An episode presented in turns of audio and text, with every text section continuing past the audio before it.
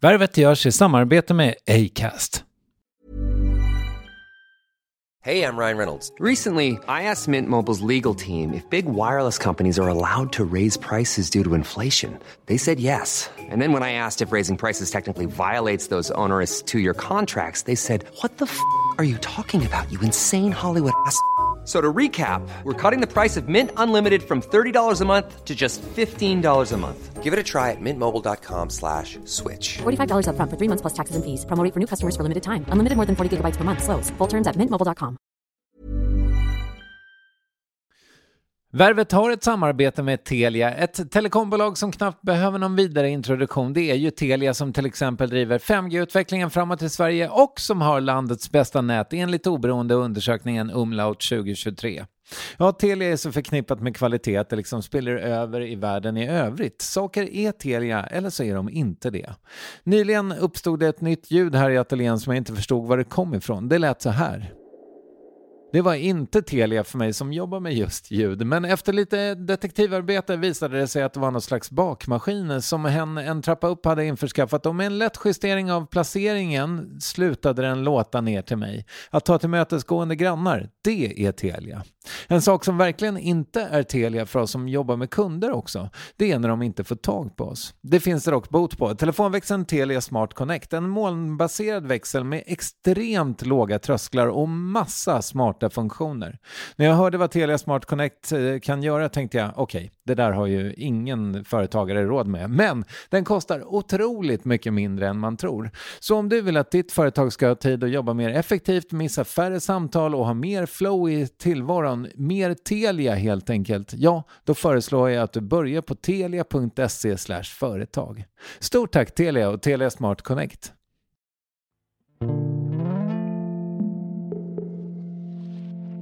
Ja, men det, fi det finns inget svar på det här. Jo. Nej men det gör inte det. Okay. Alltså, du, alltså på riktigt, då hade ju alla gjort bra saker. Men det gör mm. ju inte folk. Alltså funkar inte din frågeställning. Right. Finns, ibland mm. så träffar man mer eller mindre rätt beroende på vem du jobbar med, när du jobbar med det och, och hur du gör det. Svårare än så är det inte.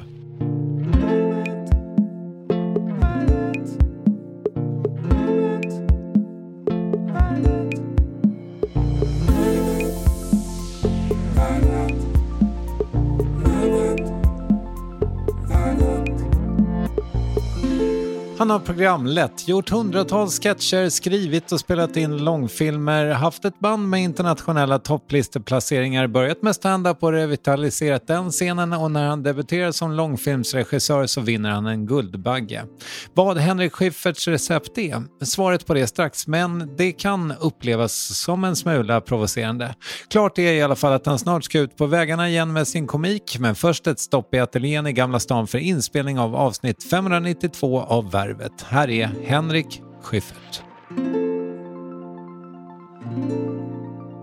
Är det tredje gången? Du är med. Eller hur? Jag brukar inte göra någon grej av det. Nej, nej, men för mig var det, är det lite av en grej. Vi behöver inte prata om det alls. Men jag bara tänkte att det var ju, det är kul. Ja, det är asfett. Ja. Och det roliga är också att det gick så pass lång tid från förra gången. För det är fan sju svåra år. Är det sant? Mm. Ja. 2016. När började du med Värvet? Vilket år var det? 2012. Du var ja. gäst nummer nio. Wow. Och för mig var det eh, ganska... Eh, det var roligt. Jag antar att det var ett skämt från din sida. Men när du... Eller det var ett skämt. Och det var, det var kul. Men det, var en, det, det gjorde ändå någonting med mig när du, när du så här, eh, säger, jaha, är det den här mikrofonen som Kristoffer Appelqvist pratade in i det där legendariska avsnittet? Uh, och det var, det var ju stort för mig. Ja. Mm. Uh, ja, det där är mitt uh, aber. Man går runt och pratar med folk så har jag sagt något som jag tyckte var kul och som de har blivit sårade av och så måste man gå och lappa. Ja, vi hade det ju så i tio år för övrigt när du skulle fucka istället för att ta i hand. Ja, just det. Ja, det var ett running gag från ja. din, helt och hållet från din sida. Ja. ja. Jag blev sårad varje gång. Ja. eh, sån är du. Sån är jag. Ja. Riksmobbaren. Nej, det, är inte, det, är inte, det är inte Schulman. Han är, en, Nej. han är skakad ur din kappa. Ja, det är han. Men alltså jag, jag har ju inte förstått. Du har ju varit jag har ju pratat så många gånger. Men alltså jag, jag har ju aldrig riktigt förstått det. Jag tänker ju så här att man försöker säga kul och försöker vara så här, eh, tänka annorlunda.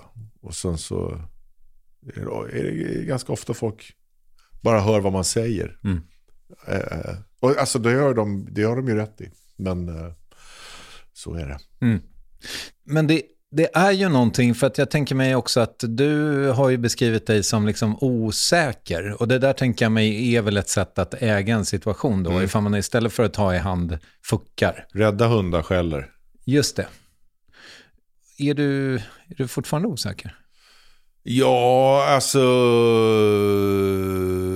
Inte på jobbet så mycket. Men i privata situationer är jag ofta det. Alltså det tycker jag fortfarande är. Eller så sociala, små sociala situationer eller privata situationer. Gå på Ming, eller? Ja, eller sån där förskoleföräldrar träffar och sånt där. Och hamna i något, ja mingel är vidrigt.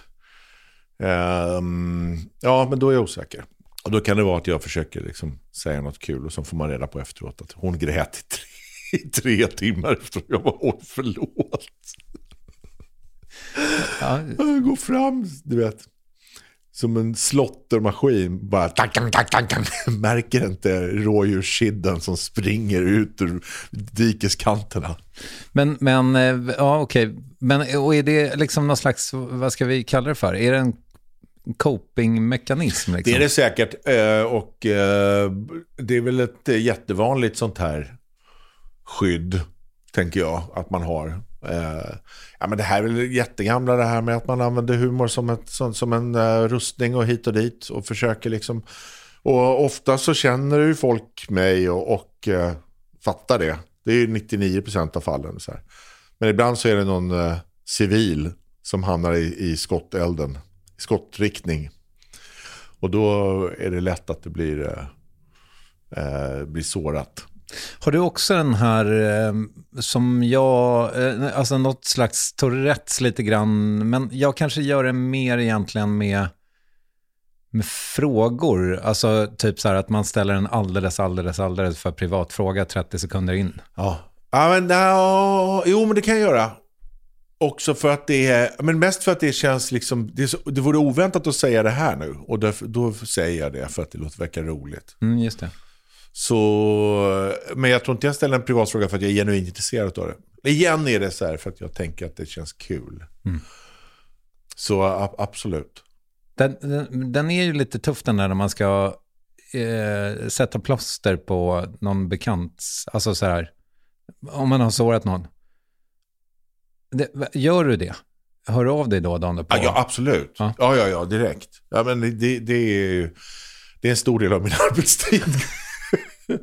Går ut på att jag, jag får ringa dagen efter och bara så här. Jag var på något man var på kalas i, jag var på kalas i måndags och då så får man säga spaka, nu ska vi se vilka jag ska höra av mig till.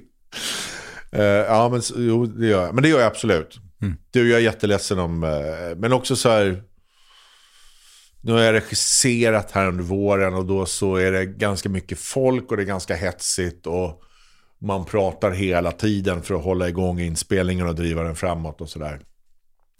Och då eh, har det hänt typ två, tre gånger här under våren att jag har ropat något som jag försöker vara kul men också lite så här passive aggressive för att få det gjort. Och då har det kommit bakifrån har det kommit då ett sms från, en, från högerort att det vore nog bra om du pratade med, med, ja. med hen mm. om det där igår. Jag bara, ah, okej. Okay.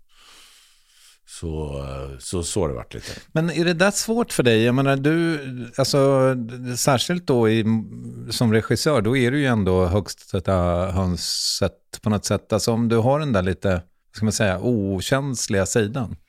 Ja, det är det. Och jag försöker verkligen tänka på det, att jag inte ska försöka. det finns... Jag intervjuade Richard Curtis en gång. Du vet han som skrev Notting Hill och de här filmerna och Blackadder och det. Han, han eh, intervjuade jag för jag gjorde en tv-serie som heter Dokument Humor. Just det. Och han har ju dragit igång jättemycket med det här Red Nose Day i England. Att alla komiker ska liksom samla in pengar till de fattiga i, i utvecklingsländer och sådär. Och då så frågade jag så här, liksom så här, när man ska, man ska, göra, skämt, man ska göra skämt för att liksom hjälpa barn som svälter ihjäl. Så här. Vilket slags skämt är det bästa skämtet för att få in så mycket pengar som möjligt. Och då sa han, inga skämt, sa han. Alltså det där är en grej som jag har märkt att ju mindre man skämtar, desto bättre går det i, i sådana här lägen ibland. Mm. Även om man är en skämtare. Just det. Mm. Uh, och det där tänker jag ofta på, att uh, en bra grej också när man är en skämtare är att inte skämta. Men om man tittar på uh, din generation, nu kanske jag är lite ute på sned is, men, men är inte du och Johan Renck och Jonas Åkerlund, är inte ni typ samma generation? Ja, kanske. De är väl liksom något år äldre än mig. Okay. Men, men, typ. Ja. ja. Nej, men för jag tänker mig också att det är sådär, alla ni är så här coola killar och helt plötsligt så ska man göra någonting, alltså en känns, alltså det, jag menar, ni har en maktposition och har den där coola sidan också. Eftersom jag har mött, fan hur ska jag säga det här utan att såra dig? Vem eller, såra mig då? Nej men det, det är inte meningen heller, jag är bara nyfiken på det. För att jag menar, det är ju en känslig process, tänker jag mig. Ja, bitvis. Men det är också en väldigt teknisk process och en väldigt stressad process. Och en väldigt... Eh, det är också en väldigt dyr process. Alltså det, det är liksom flera saker. Mm. Som, så det är inte bara det här att man som regissör ska gå in och vara, liksom, vara känslig och liksom få skådespelarna. Det är också så här, klockan är fyra, vi har två scener att göra till klockan åtta ikväll. Get moving. Mm. Alltså det är den biten är det också. Mm. Det, är en, nästan, det är en väldigt stor del att vara arbetsledare. Så att... Eh, det, är inte, det är inte en sak bara. Och det är du bra på? Ja, den, eller, ja det är jag faktiskt. Mm. Eller jag känner mig väldigt trygg i det här liksom, få gjort. Mm. Det har jag aldrig haft något problem med. Mm. Sen om det är bra eller dåligt vet jag inte. Men jag känner mig trygg i den, den, den delen av jobbet. känner jag mig trygg i. Nästan så att det är, eh, jag slutar för tidigt ibland. Alltså istället för att dra över så har jag liksom ett problem med att jag slutar en timme innan varje dag. Vilket gör att då börjar de så dra in på, ja, vi behöver, behöver tydligen så här mycket tid. Så, så att eh, det kan vara lite åt, åt andra hållet kan det vara problem. Men betyder det att du sen får sitta i klipprummet och fuck vi skulle ha tagit den en gång till? Nej, ja, det, det händer ibland såklart. Men sen är jag så pass van nu också så att när jag, alltså jag ser så här, alltså jag har det svaret från tagning 3 och det från tagning 5. Och så jag, så jag har det. Mm. Så jag behöver inte ta om det liksom. Okay. Uh, men det är klart att ibland skulle man liksom, fan det skulle man haft en närbild på när han ramlade igenom med foten där. Det skulle man haft. Men det är också så här med tv och film att om folk inte vet om att den bilden inte fanns så kan man bara hävda att det var så här jag tänkte. Mm. Det kan de aldrig liksom, man kan inte kalla min bluff där. Men du, men, för det här har jag hört dig prata om och det här är jävligt intressant tycker jag. Um, ja, men du vet när man pratar med låtskrivare. Mm så är det ofta så att musik är liksom inte kul för dem längre att lyssna på. Därför att de har, de, alltså man dissekerar väl antar jag, jaha, mm. de använder den Det finns ju en glädje i det också. Kanske. Alltså ja. det finns en slags nördglädje i dissektionen. Men släpp, kan, kan du liksom tappa det där ibland? När ja, men när det är grejer? så pass bra som man bara, oj. Ja, men Succession var ju en sån. Mm. Det här är ju världens mest slitna. Men det är det bästa som har gjort liksom på ja, men sen liksom Tjernobyl eller uh, White, första White Lotus. Det kommer ju liksom vartannat år kommer en sån här, oj vad bra det är. När det mm. bara stämmer hela vägen. Och då tappar man det. Mm. Då är man så här, men herregud, han älskar, alltså man bara tappar liksom maskinögonen. Och åker in i, i storyn. Skönt. Ja, ah, jättemysigt. Mm. Jättemysigt. Men så sitter man också så här, åh de gjorde så där, åh vad snyggt, mm. åh vad bra. Du, när folk hör det här, då, då har det gått eh, lite tid sedan vi spelade in. Eh, varför? Nej men, ja, men för jag ska, jag ska ju uh, uh, göra stand-up igen första gången på fem år. Jag skulle gärna vilja prata med dig om det. För det var så du och jag började första värvet. Då höll ju du på med stand-up. Vi mm. pratade om det. Mm. Och då tänkte jag så här att det vore kul att prata om det. Och så, och så är det sånt där att jag får, alltså jag, jag, kan, jag får inte liksom prata om det offentligt förrän, förrän i september. För att det finns någon pressansvarig och det finns någon producent som har fått för sig då att det är bättre om allt kommer på en gång. Det här är något som, ja, mm. som branschen lider av. Men, men, men så är det.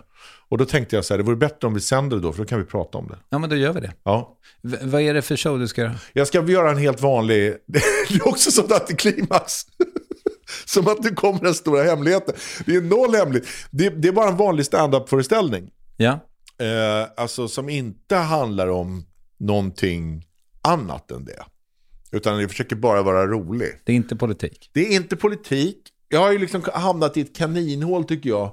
För den första grejen jag gjorde som egen föreställning var ju väldigt mycket att den handlar om massa annat. Det var den där 90s-grejen som handlade om min uppväxt och hela liksom, resonemanget med 90-talet och ironi och sarkasm och allt det där.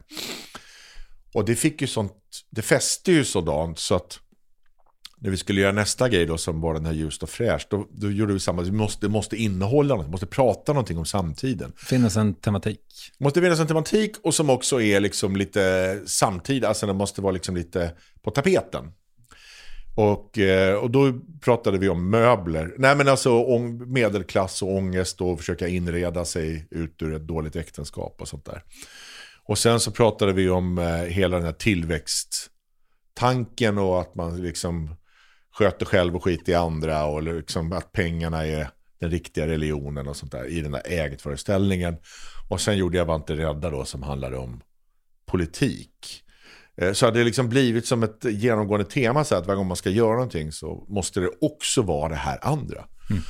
Och det var också ganska eh, jobbigt för att det, det enda folk vill prata om är det där ämnet. De vill inte prata om skämten. Men i 90 så var det ju liksom, det var ju 60% bara standup-rutiner. Och sen var det 40% om hur det var att växa. Sen kan ju standup-rutin vara om hur det var att vara liten. Alltså det är ju klassiskt, Jonas Gardell. Alltså på 70-talet så mm. gjorde vi si och så. Och så var det, du vet, eh, inlagda päron med after eight mint i ugnen och sånt där. Det. Men det är ändå det är stand-up material liksom. Mm. Men det handlar li lite om när man var liten och sådär. Så de bitarna kom alltid i, eh, i kläm, tänkte jag. Fast det var ju det det var. Men det här, förlåt, men det här har ju du redan berättat för Annie Ståndemina, att du ska ut på en standup-turné. Vad, vad, är det som är hem, vad är det som är hemligt? Nej men att det, den, att det, okej, okay, det vet jag inte. Ja, jag skulle ut på någon turné sa jag, men jag har inte sagt vad den ska handla om. Nej, just det. Nej, och sen att det ska handla om något. Så. Nej, okej okay då. Nej, men det kanske du har rätt i. Jävla tur att vi höll på den här till september, ja, känner jag. Nej, men sen så... Nej, men okej, okay, ja, men du, du har ju helt rätt i det. Uh, men men jag, det som jag inte kunde prata om där var ju det här att det var så... Jag var så knäckt av det där eh, var inte rädda-grejen. Mm. mm. Eh, att det blev så jävla jobbigt att jag liksom gjorde, hade en paus i, i fem år innan jag började göra standup igen. 2018 2013, till 2018 till 23. Så gjorde jag inte det överhuvudtaget. Vad var det som kostade då? För jag fattar, det, det var ju liksom en ganska perfekt tidpunkt att inte reta upp 20% eh, av Sverige, alltså det vill säga de ja, som röstar på det var det. Och då, då, då, då vaknar den där trotskillen i mig och tänker, mm. då är det precis det jag ska göra. Mm. Då ska jag hålla på med det för att... För att eh, men sen kände jag också så här att det var... Jag tyckte jag hade en vinkel som inte var de är dumma i huvudet, utan vinkeln var liksom så här, fatta hur de använder vår rädsla till deras fördel all typ av populism gör det. De hela tiden vill så här, de vill att vi ska vara skraja liksom. Och hur lätt det är att rädslan är den starkaste känslan vi har som slår ut liksom till och med kärlek och sånt där. Eh, och att, att vi går på det gång på gång på gång på gång på gång. Liksom, att vi inte kan backa och sådär. Jag tänkte att det var det jag pratade om. Men det hörde ju inte folk, utan de hörde ju bara det andra. Um, Ja, men så det var stökigt och det var liksom så här polisskydd och byta dörr och det var massa sånt där liksom. Men framför allt så var det så här. Det var inget roligt att öppna telefonen. För det var, det tog inte slut. Mm. Och till slut när man sitter med telefonen så mycket så börjar man tro på den. Att det är den som är sann mm. och inte verkligheten. Jag hade ju någon kille som mordhotade. Så här. Och då så ringde jag faktiskt, det brukar jag inte göra, men då, då var det så här som att, då ringde jag polisen. Och då visade det sig att det var, det var någon snubbe i Småland, och, men han hade då 60 stycken eh, Twitterkonton. Och hade skrivit så här 11 000 inlägg de sista tre månaderna. Mm. Och då känns det ju som att man är emot en jättearm, man har inte en chans liksom. Men när man lyfter på locket så är det ju sådär. Alltså internet är ju inte verkligheten. Utan det är ju det här liksom, när man åker ut i Sverige sen så märker man att det inte alls eller folk är jättetrevliga liksom. Mm. Så det har varit ett jättespöke i mitt huvud. Men hur var det att vara borta från standupen så mycket? Åh, vad skönt det var. Jaså? Ja, först var det så skönt. För man går ju bara och tänker på skämt hela tiden. Hur ska jag få ihop det här? Och här behöver jag tio minuter nytt. Och så här, allt det bara stängdes av. Det har ju varit som en radio som har varit på i huvudet i 20 års tid. Det har jag tänkt på. Med, eh, jag tycker lite synd ibland om Helena von Zweigbergk och eh, Göran Everdahl och sådana där spanare i P- Ja, P1 som, ja. som liksom hela tiden, så så här, en, om en vecka ska jag tillbaka igen med Ja. något fräscht. Ja, det tar inte slut. Nej, Man måste feed the beast liksom, hela tiden. ja, visst. Och det, att stänga av den radion, det var fantastiskt skönt. Men, och sen någonstans då så vaknar ändå eh, något litet dokument i telefonen, eller? Ja, ja, men jag tänkte ju så här att jag saknar det där lite. Jag märkte att jag började gå ner på Norra Brunn och sitta i köket utan att, du vet som en sån där, jag tänkte på så här, det var alltid någon på gymnasiet så här, som hade slutat på gymnasiet som kom tillbaka till kafeterian året efter.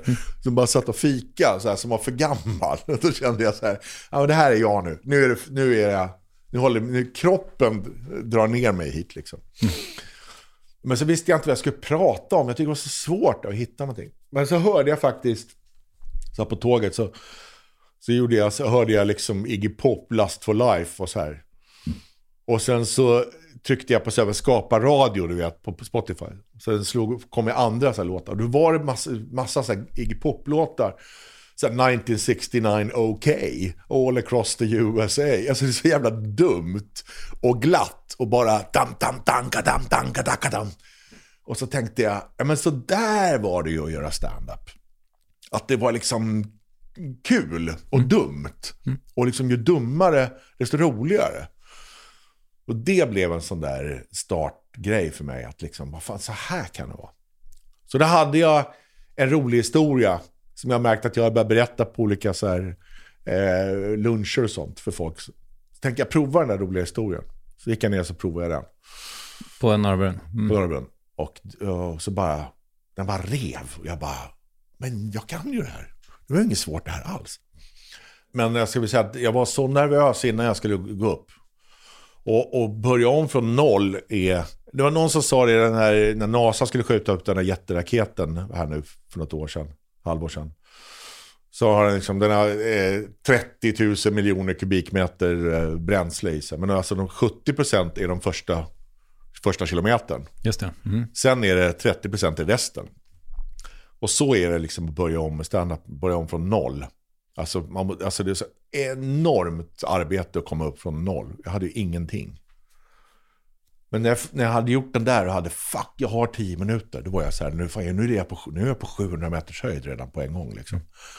Så det var ju, då var, jag, då var det lättare sen att komma igång. Men, och det där tycker jag är kul för att jag har tänkt liksom på eh, själva skämtskrivandet kanske, att jag är lite som, att jag har lite för dålig självkännedom för att det ska bli sådär riktigt bra. Du har ju ditt Malmö-skämt. Det är ett av de starkaste skämten i svensk standup-historia. Tycker du det? Ja, jag tänker ofta på ditt Malmö-skämt. Fan vad gulligt. Alltså jag tänker det där är liksom, det är svårt att få till, men det är alltså ditt Malmö-skämt är liksom, det är, det är inte, det är inte kattskit alls. Ja, men då har jag 30 sekunder. Ja, har du. Men du har 30 starka sekunder. Ja. För de, det är de där man vill åt alltså. Okej. De där är jättesvåra att hitta. Nej, men eh, för, för jag har tänkt att det måste finnas svarta, va? Alltså det måste bottna i någon slags svarta och, och eh, att det är den kontrasten jag vill åt i alla fall. Ja. Att det, så här, det ska finnas en smärtpunkt och det är den jag ska göra ifrån. Sen märker jag så här nu, när jag, för- för jag har liksom lite grann underhållit tanken på att jag ska göra någon slags comeback. Ja. Men då blir det ändå så här roliga grejer som barnen säger typ. Ja, det det finns ju, om du, om, du, om du tar det skämtet, det roliga som barnen säger, om du, om du bryter ner det, så garanterar jag att i botten på det, så finns det en svärta i att du eh, kanske är inte är världens bästa förälder, eller att du kanske borde ha gjort, sagt det på något annat sätt, eller att du har misslyckats med någonting. Annars skulle inte det här skämtet bli roligt. Om de bara kommer in och säger, Nej men som i morse så kom min treåring in och sa så här, och jag hade en, tittade på sin låtsasklocka som han inte har på armen och sa, sa han, så först sa han så här, jaha nu är klockan 77, dags att leka. alltså, och då skrattar jag jättemycket åt det. För att det är bara, men det, den kan ju inte dra på en scen liksom. Då måste det ju vara att jag innan har liksom försökt lära honom klockan eller... Alltså, Ja, just det. han- Mm. ja förstår du? Så att, eh, alltså bara glädje är ju inte... Eh, det fin, jag, jag tror att det finns en svärta i det i varje fall. Ja, Annars, kanske. Jag tror det. Ja, men för det är det jag tänker, så här, Louis CK till exempel, där är det ju så jävla mycket mörker ju. Ja. Alltså så här, och sen så visade det sig att det fanns så jävla mycket mörker med honom, eh, vilket ju på sätt och vis gör, gör det hela mer intressant också. Ja, Ja, bättre. kanske till och Ja, med det. faktiskt. Men, men så här, bara en sån här fras som “with all the jacking off and the ice cream”, Ja. som, som känns som en sån här typisk grej, som liksom, ja, det är så jävla bra. Ja. Det, Ja, men jag, jag tror också... Nej, men jag tror ingången är inte att börja leta i mörkret. Det var dit jag ville. ja, okej. Utan ingången är så här, vad är, vad är, vad är roligt liksom? Det är alltid ingången. Och sen, när man börjar pilla med det så märker jag så här, om jag gasar på lite mer i det här hålet, här skrattar de ännu mer, eh, så, så kommer det. Liksom. Men jag tror inte man kan börja med så här, nu ska jag prata om ett visst ämne eller nu ska jag prata om en viss, ett visst typ av mörker eller så här. För det, det tror jag är jättesvårt. Utan man måste så här, det här känns kul att prata om. Och så då lovar jag, det är kul. PGA, det är mörkt. Så tror jag att det är. Och sen är det också så här, apropå att vara foyer-komiker och så vidare. Jag menar, jag, jag, jag, jag tycker om att tänka på stand-up, men uppenbarligen gör jag ju inte jobbet. Nej, det är väl väldigt vanligt tror jag. För det är ju vidrigt alltså, det där. Det där är ju faktiskt väldigt, väldigt tråkigt. Alltså jag är förbannad nu för jag har liksom sex grejer som jag tycker på pappret är så här, det här borde vara roligt. Men så har jag provat dem och så bara fäster det inte. Och det, du vet, man får ju panik och klockan går och snart är det liksom, ska jag ut och usch, det är vidrigt. Men du har ju varit duktig på att skriva med folk, eller få ta in hjälp liksom. Gör du det fortfarande i viss mån? Ja, sådär lite. Men oftast är det så att man kör någonstans tillsammans med andra och sen sitter man efteråt så här. Och så frågar man, funkar det här, funkar Men du borde, borde inte göra så här liksom? Ja, just det. Så gör ju alla med varandra. Men jag har ju inte som att jag sitter och liksom har manusmöten med folk. Så är det inte. På Ritorno? Nej. Nej. Ja, men alltså ibland, jag har suttit lite med någon så här i Göteborg, satt jag med Niklas Andersson där någon eftermiddag. Så satt vi, han hade en grej som han behövde hjälp med och jag hade en grej som jag behövde. Så att man så här snackade om, om dem. Så lite så är det ju.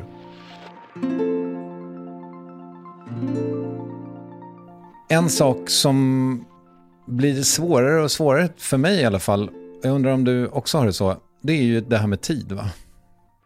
Ja, vadå? Jag tycker det är svårt att få den att räcka till. Jag skulle säga att det är tvärtom. Jag vet inte vad jag ska göra på dagarna. Är det så? Men vad fan, för jag tänker mig dig som... Idag så... har jag det här med dig nu, klockan halv tio. Och sen ska jag hämta min eh, son som muckar idag på Arlanda. Klockan tre. Alltså inte från fängelset utan... Nej, nej från Hall. Han, han, vält, han har eh, rånat värdetransport. Nej, han har gjort lumpen i 15 månader. Så han eh, eh, kommer hem idag. Men det är det, det är det jag har idag. På måndag i min kalender så står det naprapat 1440. Okej. That's it. Jag har ingenting annat. Men vad, hur kan du ha det så? För att jag menar du... Det händer inget. får, Jag har ingenting på ja, men du får ju ut så jävla mycket hela tiden känns det som. När man läser på om dig så är det ju... Alltså du, du känns så fruktansvärt produktiv. Ja, Men samtidigt så varje gång jag träffar dig så har du hur mycket tid som helst. hur mycket tid som helst. Nej, jag har faktiskt inga problem med det där alls. Vad skönt för dig. Sen, ja, men det är också tråkigt. Jag tycker det är kul att jobba. Jag skulle vilja ha mera så här. Jag jobbar med, alltså med Felix Herngren nu. Det plingar hans telefon hela tiden. Han har ju en kalender som är liksom, alltså från morgon till kväll är det liksom smockfullt. Blir- Jag blir lite avundsjuk. Jag måste bara titta att jag inte ljuger här. Jag, jag, nu öppnar jag min telefon här och bara titta. Naprapat måndag. Jag har ett möte på tisdag klockan 13. Eh, och sen har jag på onsdag har jag ingenting, torsdag ing, har ingenting. Fredag har jag ingenting. Jo, jag ska träna torsdag klockan 11 och fredag klockan 13. Det är det jag har nästa vecka. Mm. Du... Naprapat och två möten har jag nästa vecka. Otroligt ju. Ja. men, men hur, okej, okay. om du inte har det så nu då, så har du ju haft perioder med mycket. Ja, Fast har du... ja men alltså när det är inspelning och sånt där, då är det ju, alltså nu har jag filmat i sex veckor, så nu har, då har det ju varit tio timmars dagar varenda dag. Mm. Nu är det slut, så nu har jag ingenting. Men sen, sen har jag då, det som inte står i kalendern är ju det här, att jag måste skriva alltså 30 minuter nytt här nu, innan liksom september gärna. Och jag måste, eh, ja, sen har jag liksom, eh, det där ligger och gnager, saker man borde göra liksom. Det står ju inte i kalendern. Nej, för, okay. Men jag tänker mig också att du i väldigt stor mån har verkat i en bransch. Liksom. Om man tar bort standupen och din eh, korta men ändå effektiva karriär som rockmusiker. eh, så har du ju verkat i branscher som, som liksom, där är jävligt mycket pitcher och så här. Alltså, Nej, jag pitchar ingenting. Nej, inte nu, men du har väl gjort det redan? Ja, fast ja. Inte så mycket, tycker jag. Det, alltså jag tänker också att det, det, det antingen det dyker upp liksom. Jag har gjort mig av med alla mina agenter. Ja, jag märkte det. Ja. Det är så, intressant. Ja, men jag tänkte att det, det behövs inte. Det är så lite att göra. Och de ska... och så tänkte jag så här, när jag började med liksom, när vi gjorde i manegen och sånt där, liksom 92 och sånt. Det fanns ju ingen i hela Sverige som hade en agent. Det fanns, ju, det fanns Ebba von Prehn på SVTs engagemangskontor som man ringde upp. Okay. Och, och, hon berättade hur mycket man skulle få i lön för sitt lilla tv-program och så var det klart. Mm. Det fanns ju ingen som hade, och nu har det liksom blivit en värld där alla går runt med agenter och manager och business manager och har ett creative team och sånt där liksom.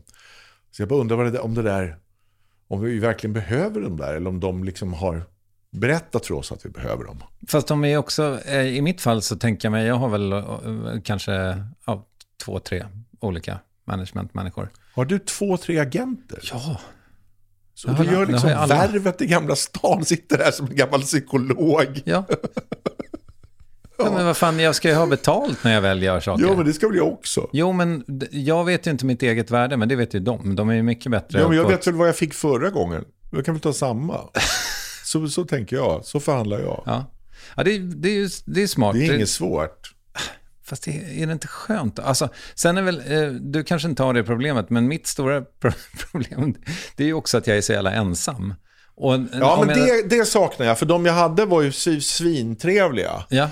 Så eh, jag saknar dem jättemycket. Mm. Att kunna ringa och liksom prata med dem och, så här, och skvallra. Och, liksom. och sen var det också så att om man, om man betalar någon och vara ens vän, då är de alltid jättevänliga. Eller hur? Och det, och det är lätt att glömma bort det efter ett tag. Så mm. börjar man tänka så här, liksom, ja men hon är så jävla mysig. Så här, jo, men hon ska också ha 10% av allt du äger och har hela tiden. Mm. Så det är väl klart att de är det. Men alltså, jag tror inte de var det för att vara giriga, utan jag har genuint kompisar med dem. Och jag saknar att prata med dem jättemycket. Så det är, det, är, det är baksidan med det. Det blir, en, det blir liksom ensammare. Ja, Sen är det ju tomt i kalendern också så att det kan ju vara att de kanske fyllde en funktion så här efterhand. Det kanske kan vara det. Ja, nej men jag, alltså, så här, jag, jag räknade på det innan. Jag får så här, kanske tre, fyra riktiga jobberbjudanden i veckan. Allt från liksom att göra stand-up på någon klubb i Gävle till att regissera en jättestor långfilm. Alltså det pendlar mellan de, den typen av erbjudanden. Men jag får tre, fyra sådana i veckan. Och så det kan jag svara på. Eller liksom ha ett möte om. Det är väl inget svårt. Okay. Och sen, sen har jag en advokat som jag har tagit in. Så när det är så här förhandling om krångliga saker, så här långfilmsrättigheter i Ungern fem år fram, sånt där konstigt. Då har jag en som jag betalar. Då ringer du Monique? Nej, inte Monique. Det, det, är en annan. Men, ja. men så betalar jag då 1200 spänn i timmen till en advokat som får liksom gå igenom kontraktet. Okej. Okay. Jag, jag, jag, tycker det har gått lite om inflation i det där. Också att det är en statusgreja. Jag skulle ha med någon, någon eh, influencer-tjej i en tv-serie jag gjorde. Och så vill, skulle jag prata med henne. Då så hade jag hennes nummer. Och så ringde jag henne och då skulle jag prata med hennes manager. Och så pratade jag med managern och han skulle möta med hennes business manager. Och jag bara, fan har hon en business manager? Hon är liksom en influencer. Hon säljer så här NASA tandblekningskuponger på Instagram till 14-åriga tjejer i Värnamo. Jag fattar inte. Och då var det, han var också positiv då. Men sen hade de, om två veckor skulle de möta med hela hennes creative team. Och då var jag så här, vad fan. Och det här är inte Bianca-nivå på långa vägar. Men då är det så här, det här är liksom att det känns mysigt att ha alla de här människorna omkring sig tror jag. Att det är som en, det är en statusgrej också. Sen är det väl lite kanske också, nu är det inte som att jag tror jag får färre jobberbjudanden än, än du. Men det är lite en buffert också. Jag har ju väldigt svår mailskräck. Jag får liksom inte ordning på det där. Vad är mailskräck? Ja, det är att jag inte, jag, jag mår piss av mail. Jag vill inte hålla på med det. Alltså, alltså svara på mail eller? Ja, titta på dem. Det är alltid någon som vill mig något. Ja. Och det tycker jag är jobbigt då, för att då måste jag perform liksom. Det Ja. kanske, jag har säkert hittat på den själv. Ja, men det är väl folk som har räkningsskräck eller folk som har liksom Exakt. så här, men det är väl samma sak. Men sen, vad, vad, hur brukar man lösa det? Jo, svara på mailen. Ja, Alltså hur blir man fri från sin flygrädsla? Flyg. Alltså så är det ju. Så jag, jag tänker att det bara hålla på. Efter ett tag så blir det inget läskigt. jag har, jag har försökt hitta system för det. Jag går Okej. i terapi. Ja, men jag, jag respekterar det. Men, men hur är det för dig? Alltså, okej, du har inga problem med time management då. Nej. Men hur är det för dig med ålderiet? Ja, men det Jag har jeans på mig idag. Det har jag inte haft på säkert sju år. För igår så sa min tjej till mig att fan vad jag saknar att du har jeans på dig. Okej. Och då var jag så här, men jag kan inte ha jeans. Alltså jag är 55. Alltså jeans på 55-åringar. Du vet man får sån där Ulf Lundell-röv som går inåt. Ser ut som, ett, man, som en strykbräda. Det går inte. Liksom. Vad har du haft för byxor under Ja, de men då, här har jag sju liksom, åren? då har jag köpt liksom, jag har haft mycket, mycket manchester. Mm. Som jag tycker så här, liksom, alltså, liksom, har haft- alltid haft liksom Alan Alda lite som en sån här, när Alan Alda var 50-60 så hade han så här, tycker han hade så jävla bra, så här skrynklig dyr skjorta liksom. Och ett par manchesterbrallor liksom. Och ett par bruna eh, dojor. Eh, det tänkte jag alltid vara så här, när jag är uppe i den åldern då ska jag liksom gå över från det där jeans och t-shirt till det där. Och så sa hon, jag saknar att du har jeans. Jag tycker du är snygg i jeans. Och jag bara, men du fattar inte liksom vad, vad krångligt det är för en 55-årig man och liksom helt plötsligt, nu ska jag ha jeans och t-shirt. Det var det första jag tänkte på när du kom in genom dörren. Var det Fan, att jag hade jeans? jeans på sig? Tänkte du på det? Nej, jag skojar. Nej, men jag, jag, jag tänker att alla tänker på det. Nej, men, och det är ju ett sånt där, det är en sån här ålders... Men alltså, var, vem är jag nu? är ju ett, en ny typ av tanke. Så idag så tog jag på mig jeansen på morgonen och hon blev jätteglad. Hon bara, titta du passar, jät- passar jättebra i de där jeansen. Nu ska jag gå runt på de här jeansen idag och se om, om det går. Men det är, det är, ett, eh, det är ett dilemma. Alltså jeansen är ju inte ett, ett stort problem, men jag tror att det är en, en bild en, ö- över eh, balansgången som man eh, brottas med, med åldrandet. Här har du två och en halv minut, hör jag. Alltså stand-up. Ja, eller? Ja, ja kanske det. Ja. Byxkris. Alltså, byxkris, ja. Eh, sen, sen tycker jag att... Eh, eh, sen är det också så här, vilka jeans? Ja, för det, det, finns ju, det finns ju de här, alltså Lenny Norman jeansen. När man är nästan 70 och har jeans med olika så här, dödskallepaljetter på. Sånt där. Det, alltså, som Jens Sjögren säger, tuff på landet jeans. så, ett väldigt bra ord om man är så här, jag tror Henke Rydström, liksom, han, han har eh, tuff på landet jeans och sådär. Ehm, fotbollsspelare i Borås och sånt där.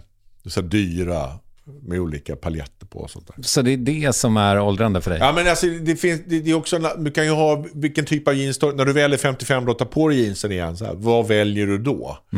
Så antingen kan du ha de jeansen du hade när du var ung och blev bekräftad. Som det här är ju då sådana. Alltså det här är mina gamla, gamla, de här är säkert 20 år gamla, det är gamla Acne jeans. Från liksom 2001. Eh, eller kan man då så här, ge sig, gå ner på stora fina dyra jeansaffären och säga vad är, vad är det som gäller nu? Och det tror jag är farligare. Alltså där, då, då, är man, då är man ute på ett riktigt minfält och virrar. Liksom. För där vet man inte. Men det, det är det här jag brottas med, den här typen av frågeställning. Det, det låter väldigt sorglöst. Det är liksom inte så här, ja fan, jag ska, kommer inte se liksom den lille, eh, alltså din, ditt nyaste barn, kommer inte se den få barn. Eller, alltså, det är inte den typen av tankar, utan Jo, det är vilka jeans men du det, ska det, det är ju den typen av, fast det här är ju sättet jag bearbetar det på. Okej. Igen, mörkret finns där, men skämtet ligger ovanpå. Ja, ja, ja, jag är, fattar. så- det är samma sak. Eh, nej men det där går ju inte att tänka på. Alltså, eh, kommer jag överleva hans student och sånt där? Det, kommer, det går ju inte att tänka på. Det är för mörkt. Alltså det, det är den dagen, den sorgen. Det går inte. Men eh, det är precis, det är, den, det är samma klocka jag brottas mot i jeansvalet. Liksom.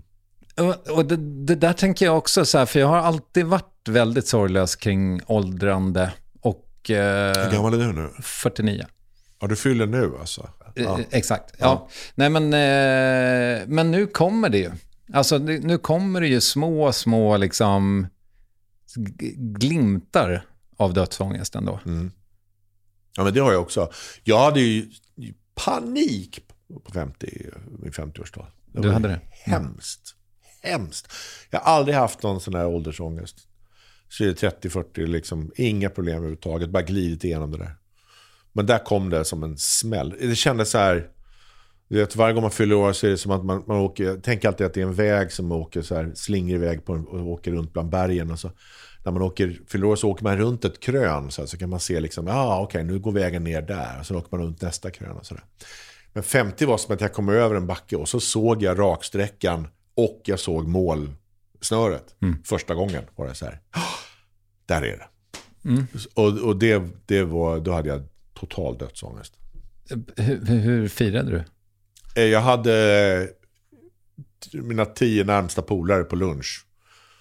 Och eh, det var Vuxet. det. Vuxet. Ja, ja vuxet. Hur mycket MDMA gick det? Eh, Jag tog inget, Nej. men, men, men eh, jag kan inte prata för någon annan. Nej. Jag fattar.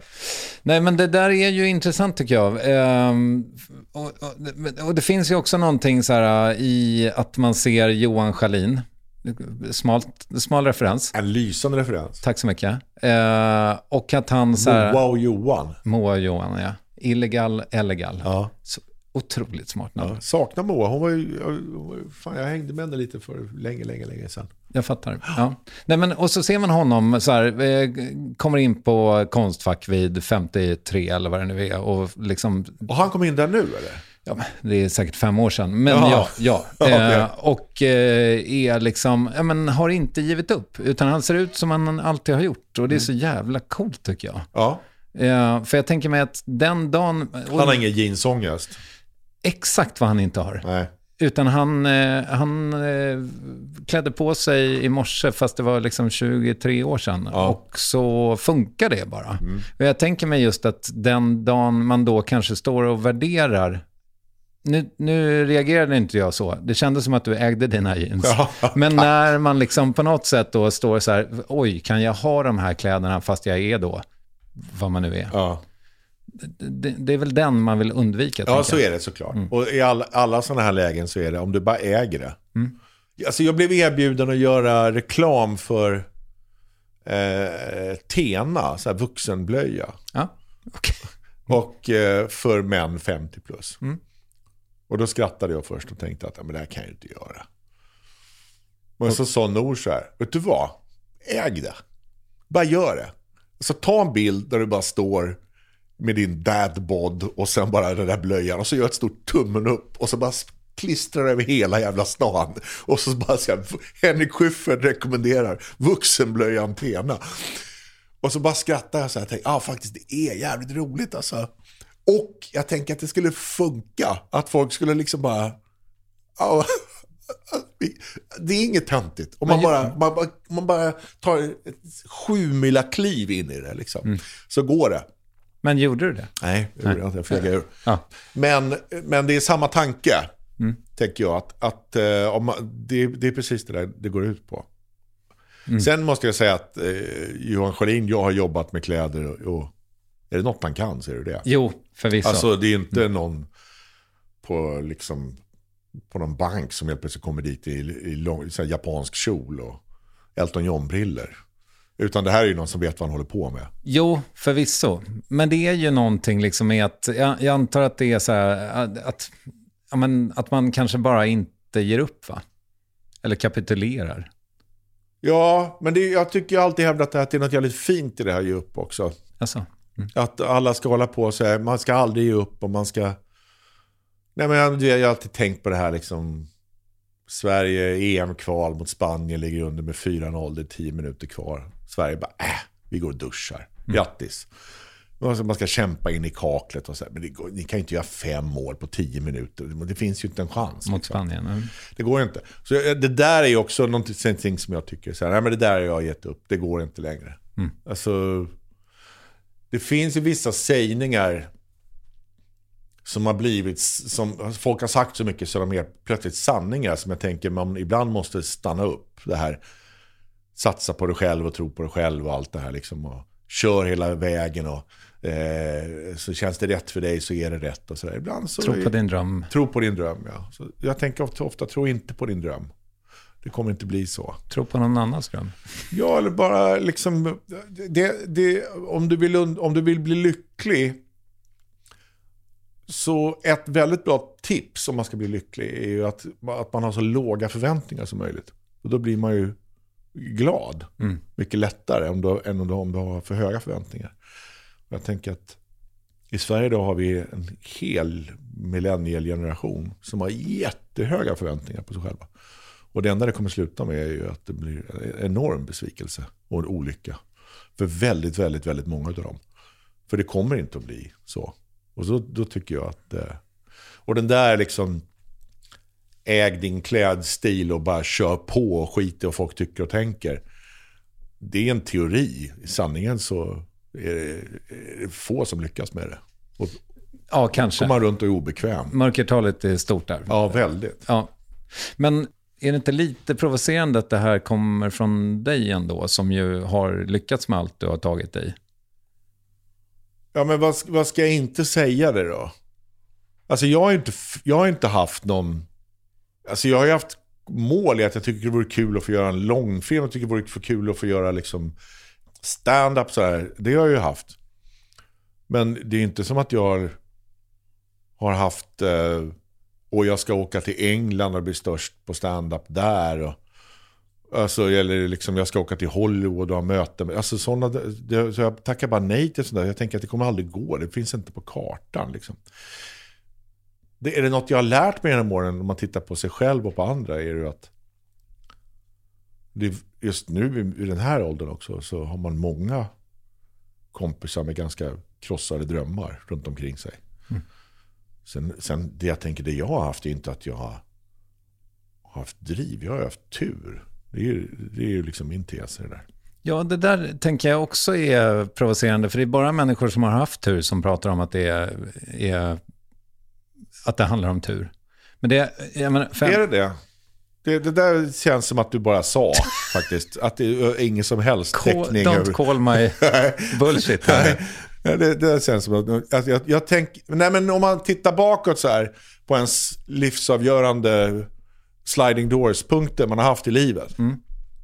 Alltså, jag fick jobb på Sveriges Radio när jag var 14. Exakt. Alltså det var ju inte för att jag var bäst där, utan jag råkade liksom hamna hos en person som jag kom överens med. Fast ingen, ingen 14-åring har ju ens den idén i huvudet att man säger, ja, jag kanske ska söka jobb på Sveriges Det är Radio. Ganska många 14-åringar som ringer och vill praoa hos mig och vill vara med i olika tv-produktioner. Och, så det tycker jag det Okej. händer hela tiden. Okej. Mm. Så det, det, men det, det är bara rätt man på rätt plats liksom. Och sen när vi skulle göra i manegen tv-programmet så var det för att Thomas Gylling skulle till Bahamas och spela oljefat, vad fan det var. Så han ställde in ett program, då fick vi göra det där. Det var ju bara ren tur. Sen att vi fick ihop det där gänget med Robert som ingen visste vem det var. Som ramlade in i det här gänget. Det var han som gjorde att vi blev stora, för han var ju fantastisk. 100% tur. Vi kunde liksom haft vem som helst där. Vi kunde haft dig där. Nej, det hade inte gått. Nej, nej men du, du fattar. Och sen, så där håller det på. Så tittar man bakåt så är det liksom. Sen efter ett tag så har man kanske byggt upp en ett bibliotek av grejer man har gjort. Och man har visat så här. eh, Ja, du. Men eh, jag tänker ofta, så, alltså, jag tror det var Woody Allen som sa. Alltså 90% av framgång i är, is showing up. Alltså om du är där mm. så har du gjort mycket, mycket mer än de flesta andra som håller på med showbiz som bara sitter hemma eller har en idé om det eller pratar om det på olika kaféer och sådär. Mm. Och sen, liksom, sen är det, det är hund, jag tänker det är jätte, jättemycket tur när man tittar bakåt. Okej, okay, men om du då tittar tillbaka och har haft väldigt mycket tur så är det, det är ju någonting du har gjort så att du har haft extra mycket tur. Gör, gör ett eget, eller gör ett radioprogram, det blir legendariskt. Eh, gör tv, skapar humorhistoria. Starta band, kommer trea på eh, Englandslistan som ju uppfann musiken. Eh, frälser en döende standupbransch. Gör en långfilm och vinner tre Guldbaggar. Ja. Ja, det är mycket tur. Alltså. Ja, det är väldigt mycket tur. ja. ja men det, det, är väl klart att, så här, att du kan ju för, alltså, förbättra dina chanser att ha tur genom att göra andra saker också. Men, men om man tittar på alla sådana här, jag har ju då eh, två söner som är liksom 23 och 20. Och i deras kompisvärld så började alla så här skaffa Avanza-appar. För de har sett på TikTok hur liksom så här, så här känner och när de gjorde de här Eh, Eh, med den här GameStop och de här, liksom, helt plötsligt gick de in med en krona och tog ut en miljon och så här. Så alla de där ungarna bara så här, märkte jag hur deras kompiskretsar bara så jobbade, så satsade de allt på aktier så här, för två år sedan. Och nu är alla helt black liksom, och måste hålla på sms-låna. Mm. Och då tänker jag, så, här, om ni, alltså, titta på folk som jobbar med aktier. De är inte heller, det är väldigt få av dem som är liksom äger egna hedgefonder och så här de flesta liksom, det, det finns ju någon sån där att man tog någon juckapalm som fick spela på börsen och som lyckades slå index med 10%. Eh, så att om du hade liksom bara varit jättebra på det där så hade ju alla varit, om det fanns ett sätt att vara jättebra på det så hade ju alla varit miljardärer på aktier hela tiden. Mm. Men det ger det ju inte. Och det är samma i den här filmbranschen är det ofta så här. Jag tror jag har fått fem olika förslag på olika tv-serier. Som är lite, ja, det är lite Clark Kent möter och så är det någonting annat. Mm. För då det är någonting som precis har blivit en hit. Och så vill de göra någonting liknande liksom. Eh, för alla vet, ingen vet någonting. Alla chansar liksom. Och de som lyckas har oftast haft tur i att det råkade vara precis det här som alla... Ja, men ett jättebra exempel på det tycker jag. Du måste ju vara bra också. Men Mia Skäringes den här No More Fucks To Give. Den skrev ju hon 2015, 2016 höll hon på och skrev den där föreställningen. Och så hade hon premiär 2017. Precis när det small.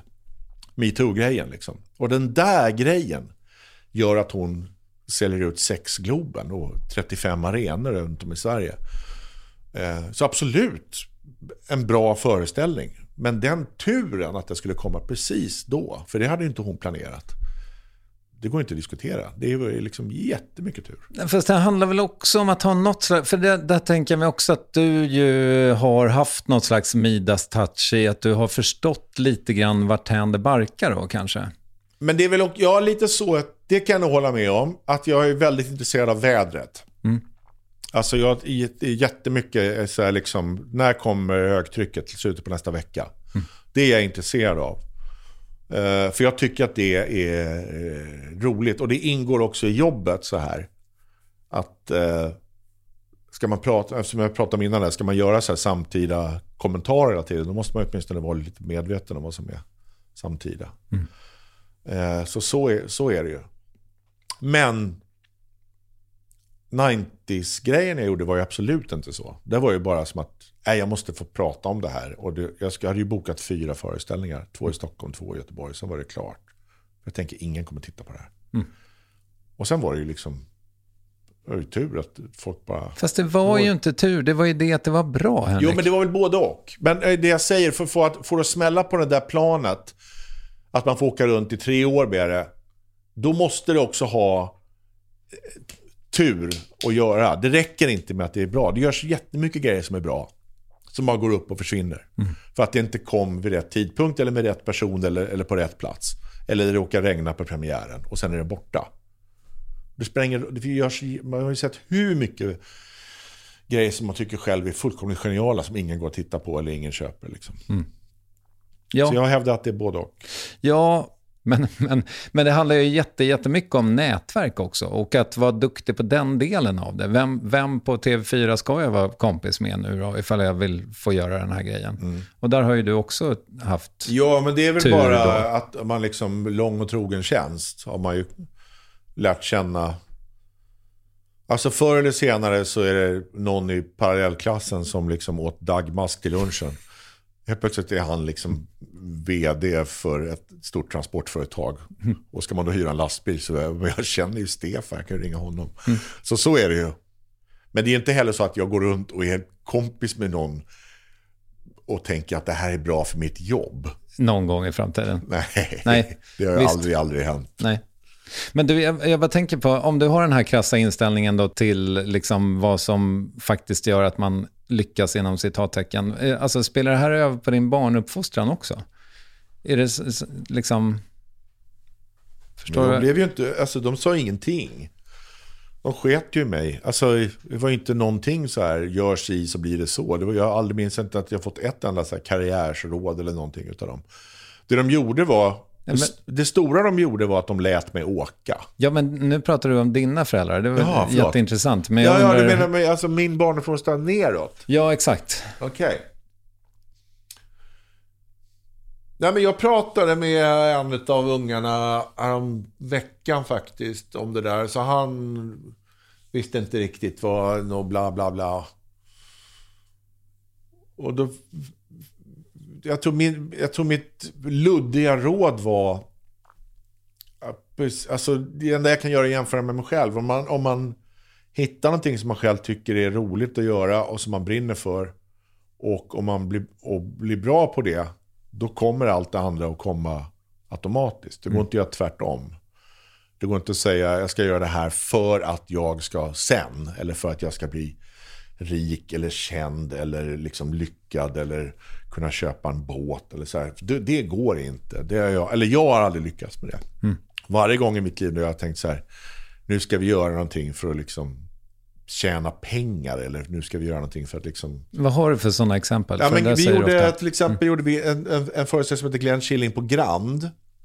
På Grand Hotel som var en Killinggängs-produkt. Eh, och då var det så här att nu går vi dit liksom och så har vi roligt och sen så gör vi den här stora föreställningen och så gör vi liksom bara hits liksom. Bara i med alla Percy och Weiron i ottan och bara trycker in allt det där och så kör vi liksom. Så här. Och den är väl den man är minst stolt Och det gick ganska dåligt. Vi körde något år sådär liksom. Men det var inte alls slutsålt och det var inte heller liksom var två år och tre år i tidningarna och sådär. Mm. Så det, det tror jag på. Men hur är det då jag, jag, vi har pratat ganska mycket hemma om, också om att så här, ja, men säg då att jag kanske har ett eh, biologiskt barn som vill bli basketproffs. Mm. Det är ju sjukt svårt. Mm. Det är jätte, jättefå som blir det. Mm.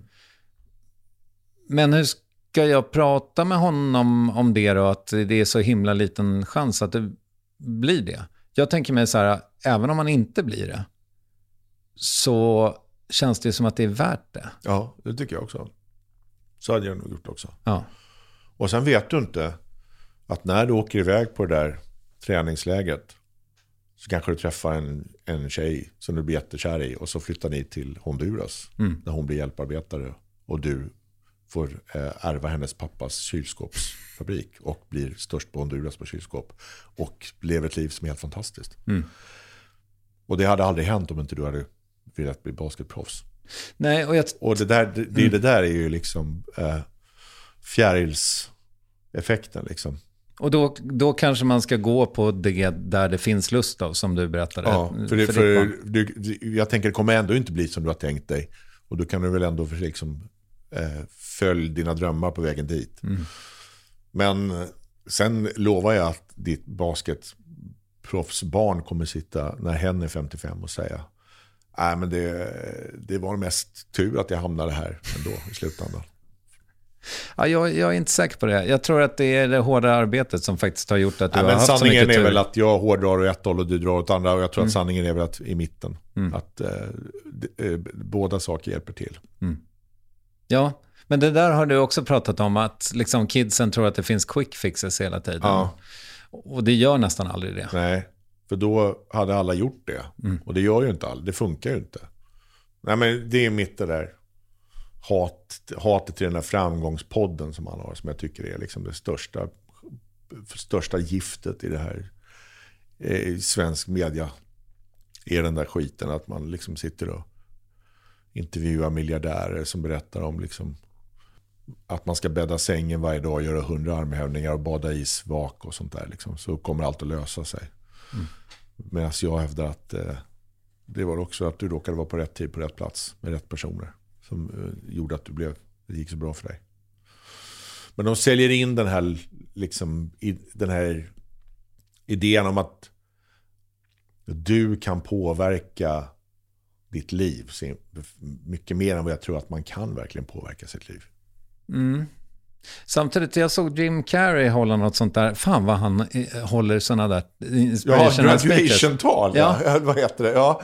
mycket sånt. Mycket att han står i en cap. Ja, exakt. ja, Men han är, ju, han är ju väldigt bra på det, ja, måste man säga. Han har ju blivit någon slags Buddha-aktig, någon sån här... Eh, han har liksom helt... Eh, han har bytt person sista åren. Ja, och det, det måste man väl applådera? Absolut. Men det finns inte korten för dig så att säga? Ja, men eh, det sa nog inte han heller förrän det hände tror jag. Nej, okej. Okay. Ja, han, han har ju någon grej om, om att, ja, men han, han tror ju råmycket på magiskt tänkande. Liksom, att ditt jobb är ju inte att, alltså ditt jobb är att skicka ut dig i universum och sådär. Och det provocerar dig något så in i helvete, eller? Ditt jobb är att skicka ut dig i universum. Uh, förlåt. Ditt, ditt jobb är att liksom skicka ut din... Det, det, handlar inte om att om du vill åka till månen så ska du liksom... Alltså du behöver inte bygga rymdraketen. Du ska bara liksom skicka ut i universum att du vill åka till månen. Så kommer du hamna på månen? Gissningsvis, ja. ja.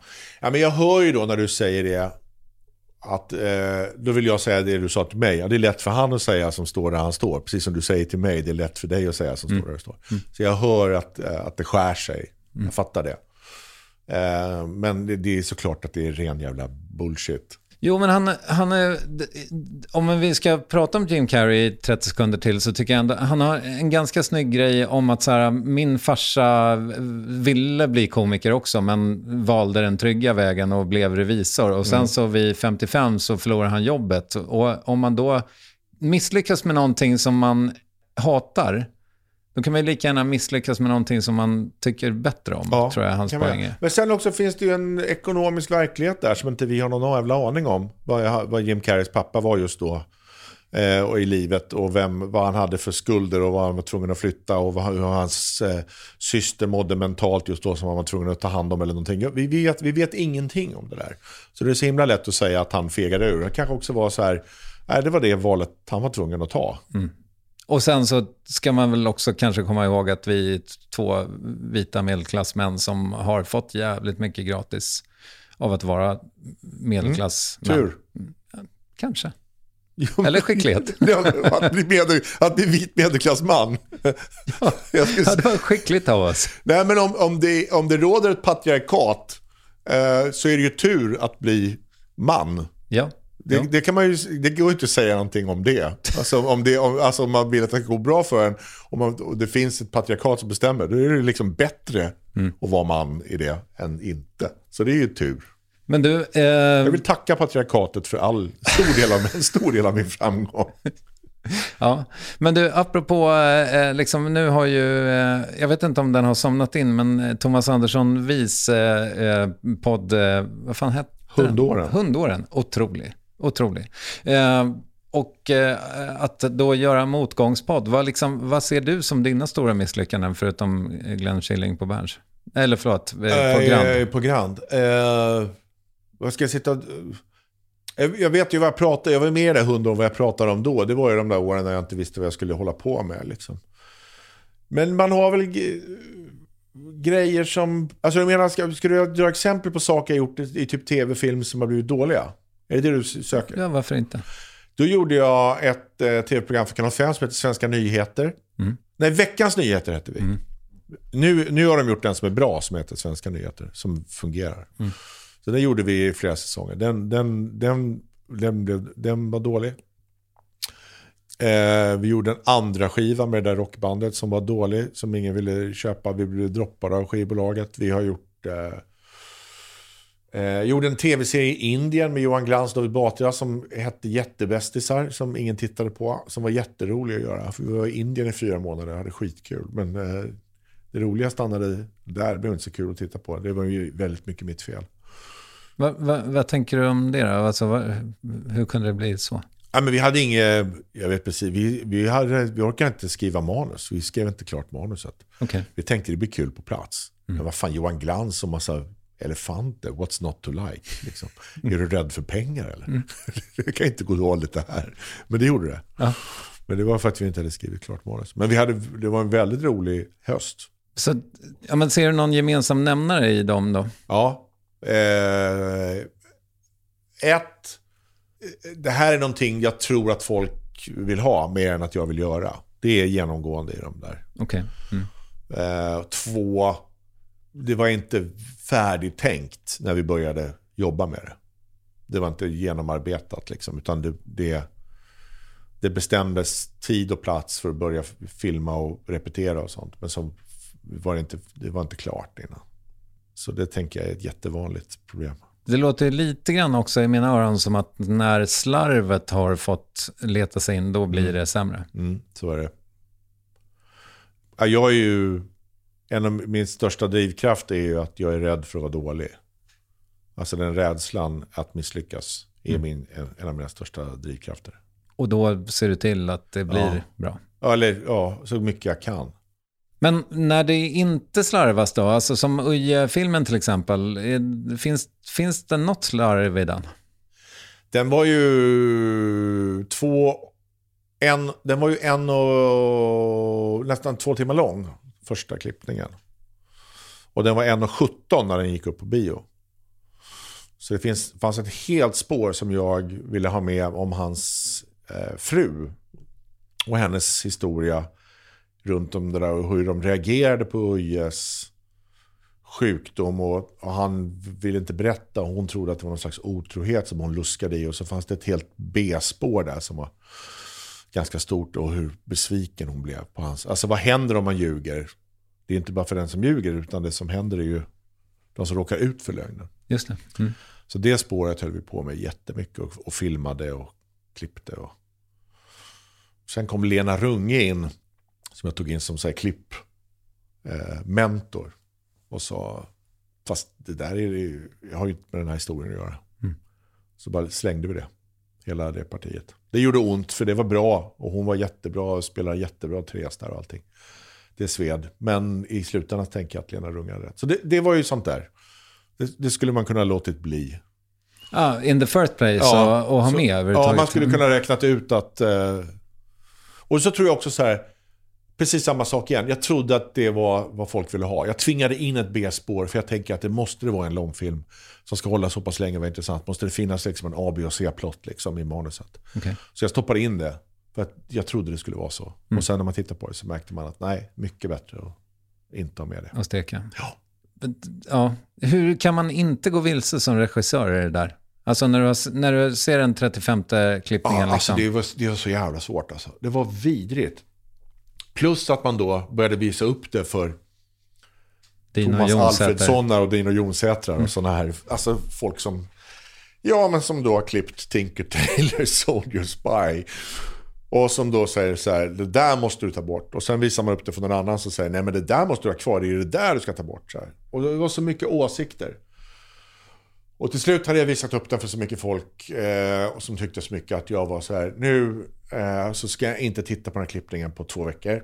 Och så bara gick, gjorde jag något annat och sen gick jag tillbaks och så, så satte jag med, med egna ögon och tänkte, nu klipper jag den bara en gång. Precis som jag vill ha den. Liksom.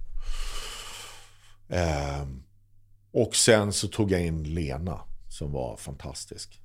Ja, en 60 plus kvinna med, som är psykolog i grunden och som har, är liksom ut, lärare på filmklipparlinjen på DI och sånt där. Så old school. Mm. Som eh, sparkar med arslet åt rätt håll. Men det var väldigt, väldigt svårt att avgöra vad som är rätt och vad som är fel i klippningen. Mm. Ja, återigen då, jag är eh, uppenbarligen ganska eh, jag är fortfarande sur för det här med tur. Eh, och det låter liksom som, om man då låter 50 pers titta på ens film, då är det ju återigen så här, man, det är ju mindre chans eller risk att man eh, har otur. Men turen var inte där. Turen var att eh, en kompis till mig ringde en onsdag kväll och sa Du, jag har en biljett över till Ujeskov nere på Sigtunagatan på improvisationsteatern. Ska du med? Och så var jag hemma själv för Nor var borta. Och ikväll? Ja, det kan jag. Jag går ner och tittar. Så gick jag ner och tittade på den. Tyckte det var helt fantastiskt. Grät floder. Grät floder. Jag och alla grät floder. För det var så jävla, jävla bra. Och sen när jag går ut efteråt så bara springer jag på Uje utanför. Och bara hinner jag så här, fy fan vad bra det var. Och sen skrev jag ett litet inlägg på några sociala medier om att det var det jag tyckte var så himla bra. Och det att jag träffade honom där på- gatan efteråt var att han föreslog mig som regissör till den här filmen. Så turen var ju inte i klippningen. Hade jag inte varit hemma den dagen hade jag inte gått och tittat på föreställningen. Okej. Och så vidare. Ja. Ja, ja, håll på med din jävla tur då. Om, du, om det är så viktigt för dig. Eh, jag, men, men nu var vi lite grann på det här, men jag pratade med honom också. Eh, för det känns också som att han har haft väldigt stor tur i... Oturen. Ja, men exakt. Det, är att det, när han då gör sin första film, ja, så, eh, samma sak för dig. Alltså att det blir tre Guldbaggar och så vidare. Liksom, eller att man då skriver en barnbok och så vinner en massa priser och sådär. Alltså, vad är, fan. Ja, men det, fi- det finns inget svar på det här. Det har aldrig funnits något svar på det här. Du kan ställa mycket frågor du vill och du vet att det finns inget svar på det här. Jo, Nej men det gör inte det. Alltså, du, alltså på riktigt, då hade ju alla gjort bra saker. Men det Mm. gör ju inte folk. Alltså funkar inte din frågeställning. Du vet att det är så. Okej. Att alla gör inte bra saker. Nej. Alltså finns det inget svar. Right. Finns, ibland så träffar man mer eller mindre rätt beroende på vem du jobbar med, när du jobbar med det och, och hur du gör det. Eh, och ibland inte. Det är svårare än så är det inte. Men det här med att göra, no- för du sa det för en stund sedan, att göra någonting, eh, och väldigt mycket som görs är ju otroligt bra och så ser folk i alla fall in, inte det. Liksom. Ser du Vi Villa som ett sånt projekt, alltså, som kanske inte lyfte på det sättet som du hade hoppats? Ja, det gjorde, det gjorde jag. Alltså den, den tyckte jag, jag är skitstolt över den. Tycker den var ascool och fin och smart liksom. Men eh, den, den, jag tror den mycket föll på att vi inte ändrade titeln. Vi Okej. blev ju sågade av folk som inte ens hade sett den. För att FLX gör ytterligare en produktion om eh, medelklass. Liksom. Vad skulle den ha hetat då? Det- Vi kom inte på något bättre namn. Vi hade långa möten. Men boken hette det. Och boken var ju rolig när den kom 2014 för att det var ju en, det fanns en tidning då, som, eller det finns ju fortfarande en tidning som heter Vi Villa som alla villaägare fick. Liksom. Så det var ju liksom roligt då. Men alltså eh, tio år senare så var det skämtet klart och det hade gjort jättemycket medelklass eh. Så att eh, då föll det. Men det var, jag minns att det var en tjej i Göteborgs-Posten som skrev en lång krönika om att nu räcker det, Henrik Schyffert, med dina jävla medelklass, bla bla bla. Och det var ju då fyra månader innan vi hade klippt klart serien. Hon hade liksom sett titeln och att den skulle göras. Så att det där fick vi då baxa in. För jag tyckte att i slut, den serien handlade om en pappa och hans, eh, hans mobbade dotter. De mobbar hans dotter och han försöker beskydda henne. Det var det den handlade om. Sen var det andra, liksom, det här runt omkring det var, liksom, det var ganska lite av det. Men det, det blev det det pratades om. Liksom. Jag är svinstolt över den. Jag tycker den blev skitbra. Men är det liksom, för det måste ju ändå göra någonting mer i då, tänker jag mig. Om det inte blir sådär, den där hitten som det... Ja, men, ja, jo, men det gör det ju såklart att man tycker att öh, har jag lagt ett och ett halvt år på det här och sen så blir man sågad innan man har premiär bara för att de tycker att det känns fel. Det, det är inte jättekul att hoppa på nästa grej då. Det blir det ju inte. Nej. Ja, Jag har väldigt svårt att tänka man sitta och göra så här. Det är så fruktansvärt mycket jobb. Man gör de här tv-serierna. Det är liksom ett och ett halvt, två år från, från man första mötet tills det liksom är pressdag. I bästa fall, I bästa jag. fall Mm. så är det två år. Och så går man upp på måndag och ser affischer över hela tunnelbanorna. Och eh, man får en eh, tre eller i, i moviescene.se. Och sen på onsdag så är det en stor bild på Jonas Karlsson i någon flyguniform. Som är någon ny tv-serie. Och så är det borta. Och det där är svårt. När man är uppväxt med när man gjorde program på ettan och tvåan på 90-talet. Liksom, när det var, Hade tre miljoner tittare. ja, bara genom att det gick på tv. Så att eh, det känns ju liksom mm, svårt att uppmunstra den där liksom entusiasmen över det. Blir det då, tar du då en, ett, en, ett stand-up-år för att liksom ladda batterierna? för Ja, att orka? precis så funkar det faktiskt. Precis så funkar det.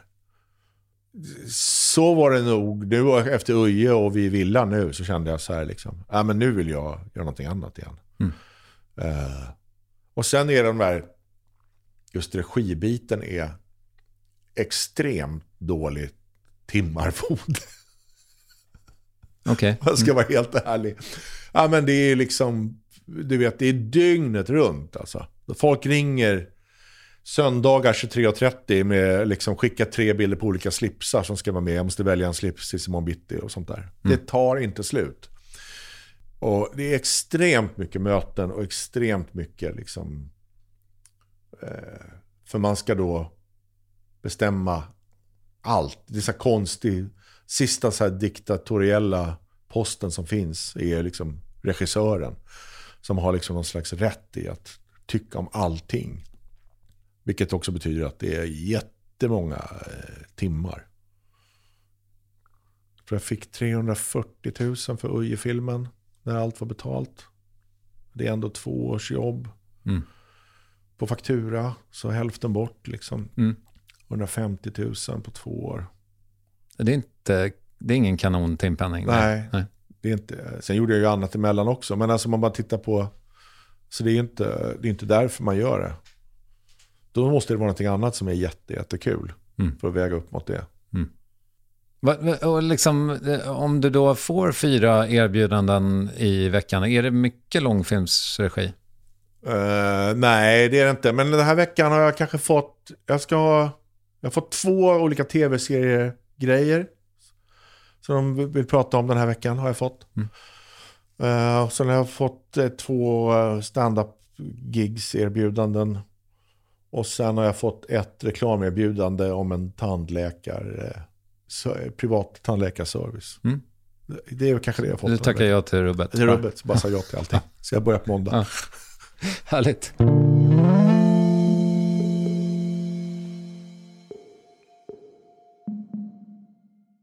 Men du, eh, manusskriveriet då, du har ju jobbat mycket med det. Vad, vad tycker du om det? Nej, det, det gör jag inte. Det finns väl ingen tycker det är kul. Nej. Nej, jag vet inte. Jag tycker bara att det är... Men det kan vara kul, det här... Det finns stadier i det som är kul. När man... ehm, jag och Tove... Eh, eh, Hillblom, Tove Eriksen Hillblom skrev ju vi ville. Vi hade väldigt, väldigt roligt när vi började så här, bara höll på med post-it-lapparna och hittade på grejer som vi tyckte var roliga. Så här, det här är kul, det här. Den, den biten var kul. Och sen kommer ett långt tradigt parti där man måste så här, Trycka få ner ner det på tangenter. Mm. papper och lägga det i rätt ordning och så här, som är vidrigt tråkigt. Alltså. Mm. Och sen finns det ett roligt parti igen där man har det och så kan man gå igenom och bara skriva dialog och göra det här liksom... Toppa. Ja, precis. Mm. Hä- Hänga upp liksom girlangerna i julgranen. Liksom. Det är, då är det kul igen. Och sen är det ett väldigt tråkigt parti när man ska liksom ta notes från olika producenter och kanaler och skådisar som, har, som känner åt ett annat håll och sånt där. Så det är också väldigt, då är det väldigt tråkigt igen. Mm. Och så där håller det på. Jag fattar. Så eh, liksom Solsidan, är det... Är, för där har du också varit på både manus och regi. Är det för brödfödan eller? Mm. Nej, men det är, för, du det är ett det? jätteroligt jobb. Mm. Alltså mest för att eh, jag, jag känner alla. Och det är liksom som att jobba med kompisar. Mm. Eh, och sen är alla så himla, himla duktiga på det de gör. Och så finns det en, en maskin bakom som bara den där slottermaskinen funkar. Den är väloljad. Mm. Det är vassa knivar på den. Mm. Så den, den bara, man behöver aldrig liksom tänka på, på de, de bitarna bara händer. Liksom. Mm. Så det är väldigt... Eh, alltså jag sitter på jobbet och tittar i monitor så får jag se nya Solsidan i monitorn. Först av alla, medan den utspelas. Så sitter jag och skrattar. Vad roliga de är. Men liksom Josefin och, och Mia står och bråkar liksom, på någon sån här dyr restaurang. Mm. Har du regisserat dig själv? Ja, det har jag gjort. Eh, I det här Sjölyckan som jag är med i. Ja, just det. Mm. Där har jag regisserat mig själv ibland. Är det kul? Och regissera sig själv? Mm. Nej, det är inte kul alls. För att då eh, står du bara och tänker, medan du pratar står du och tänker så här, fan här måste jag ha en tvåbild. Mm. Men jag är också Sveriges sämsta eh, skådis. Jag är sån där som säger replikerna och tänker eh, på ljussättning samtidigt. Men det där är intressant att du brukar ju hävda att du är så jävla dålig skådis. Samtidigt så måste du ju vara den eh, som absolut inte är skådis som har skådespelat mest. Nej, men det är, det är väl jättemånga som är det. Men alltså om man tittar på vad jag gör så gör, håller jag inte på med någon slags skådespeleri. Utan jag står och, och säger. Och är Henrik Schyffert? Ja, jag är Henrik Schyffert med olika hattar på mig. Okay. Mm. Alltså om man då tänker på någon som verkligen kan. Som Mattias till exempel i Villa. Som jag tycker är Sveriges skarpaste manliga skådis just nu. Som man kan ta in och säga liksom, här ska du gråta, här ska du vara jättefull och ramla med en cykel och få bajs i ansiktet. Liksom. Och han klarar av alla de här bitarna på första tagningen. Liksom. Mm. Och här ska du liksom vara jätteupprörd och här ska du känna dig sårad fast du ska spela att du håller höjd och sånt där. Och han bara gör det helt, gång på gång på gång på gång och har liksom alla verktygen i verktygslådan. Så tänker jag, så, ja, men det, här, det här är på riktigt. Liksom. Det, kan, det, det kan inte jag. Och det finns ingen liksom önskan hos dig att liksom vässa den kniven? Nej, Nej, inte det minsta. Nej. Ja, men jag kan prata länge om uh, vad jag tycker om skådisar.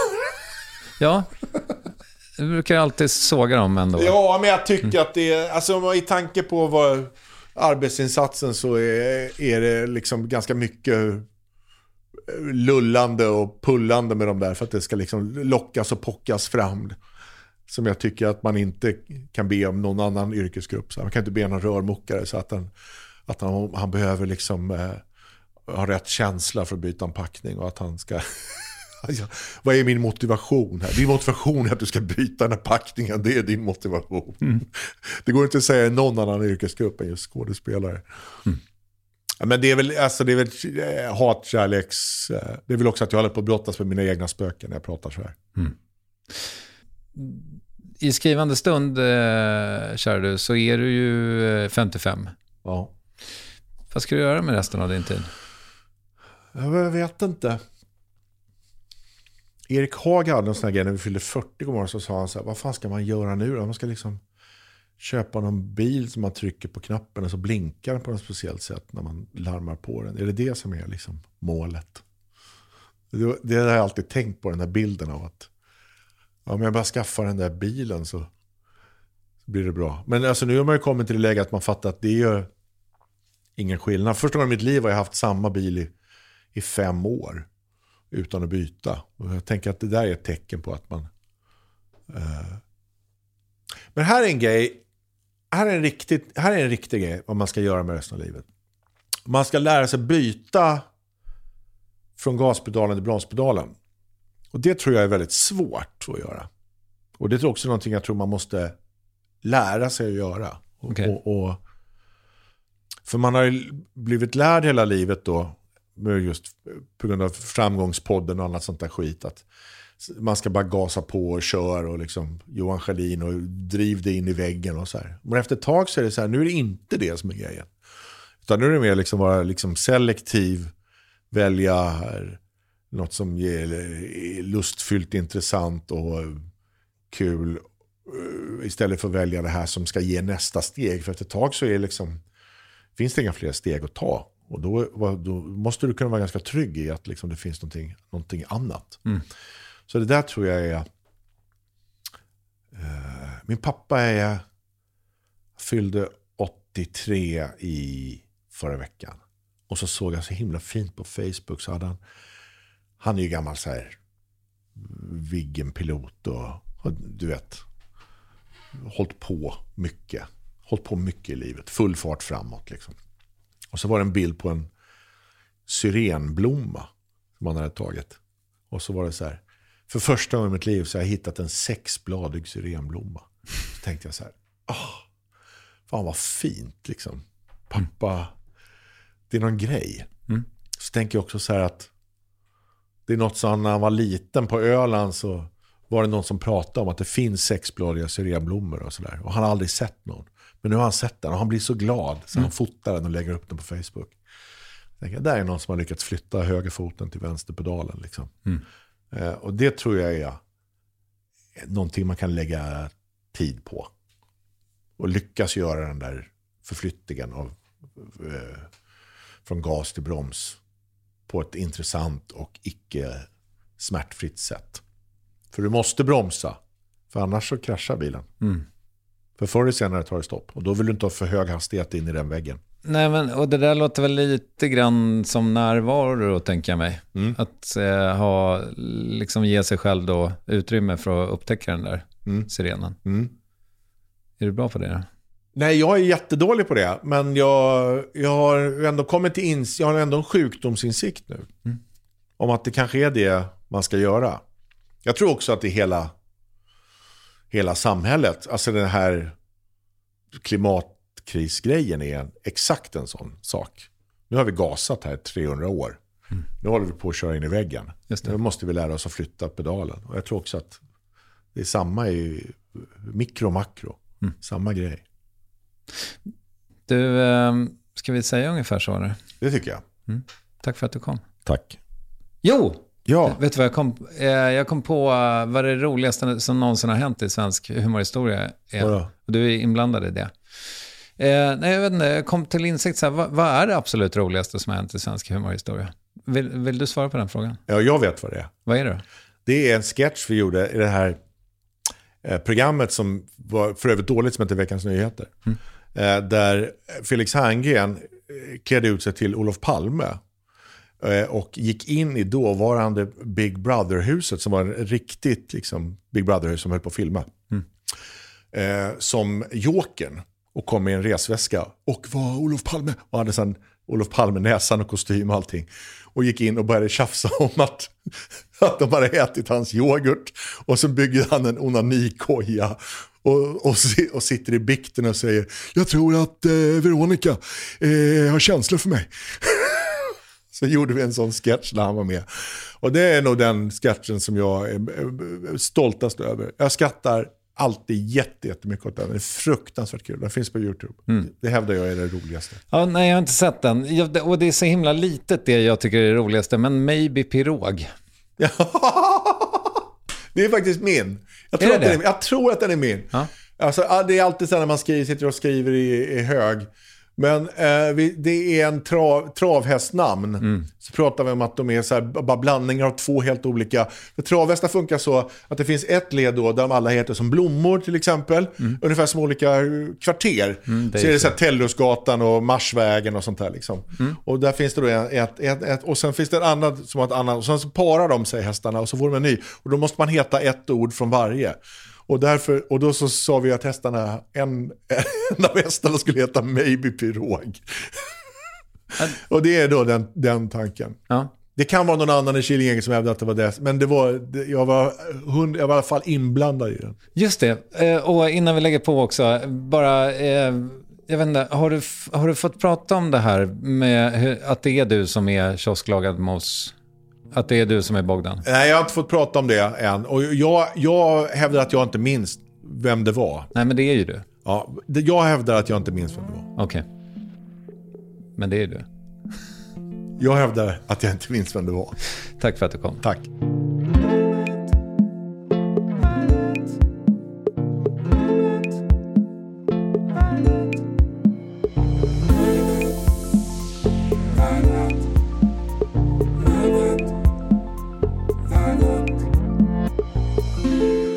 Har du inte sett Spring Uje Spring som nämndes i avsnittet, gör det direkt. Och turnén Skiffert Forever börjar i januari. Biljetter finns på internet skulle jag gissa.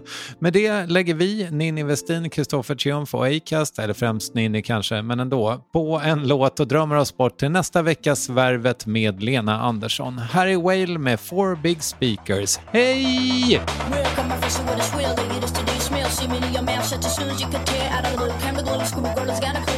That's all true to score just a few. Why pick a boo? Why pick a do? Why pick a shoe? And I can have a little bunny stuff a crack from a dream hole. Sunny, why me against the beat? Poker, rain, rain, stick a lippy. Stick with those who smoke a lot of weed and lippy. Pickers, takers, all in double cream. You Vegas, all true. I ain't lying. You want proof? Just call up the girlfriend. She be on my roof. Got a 35 minutes.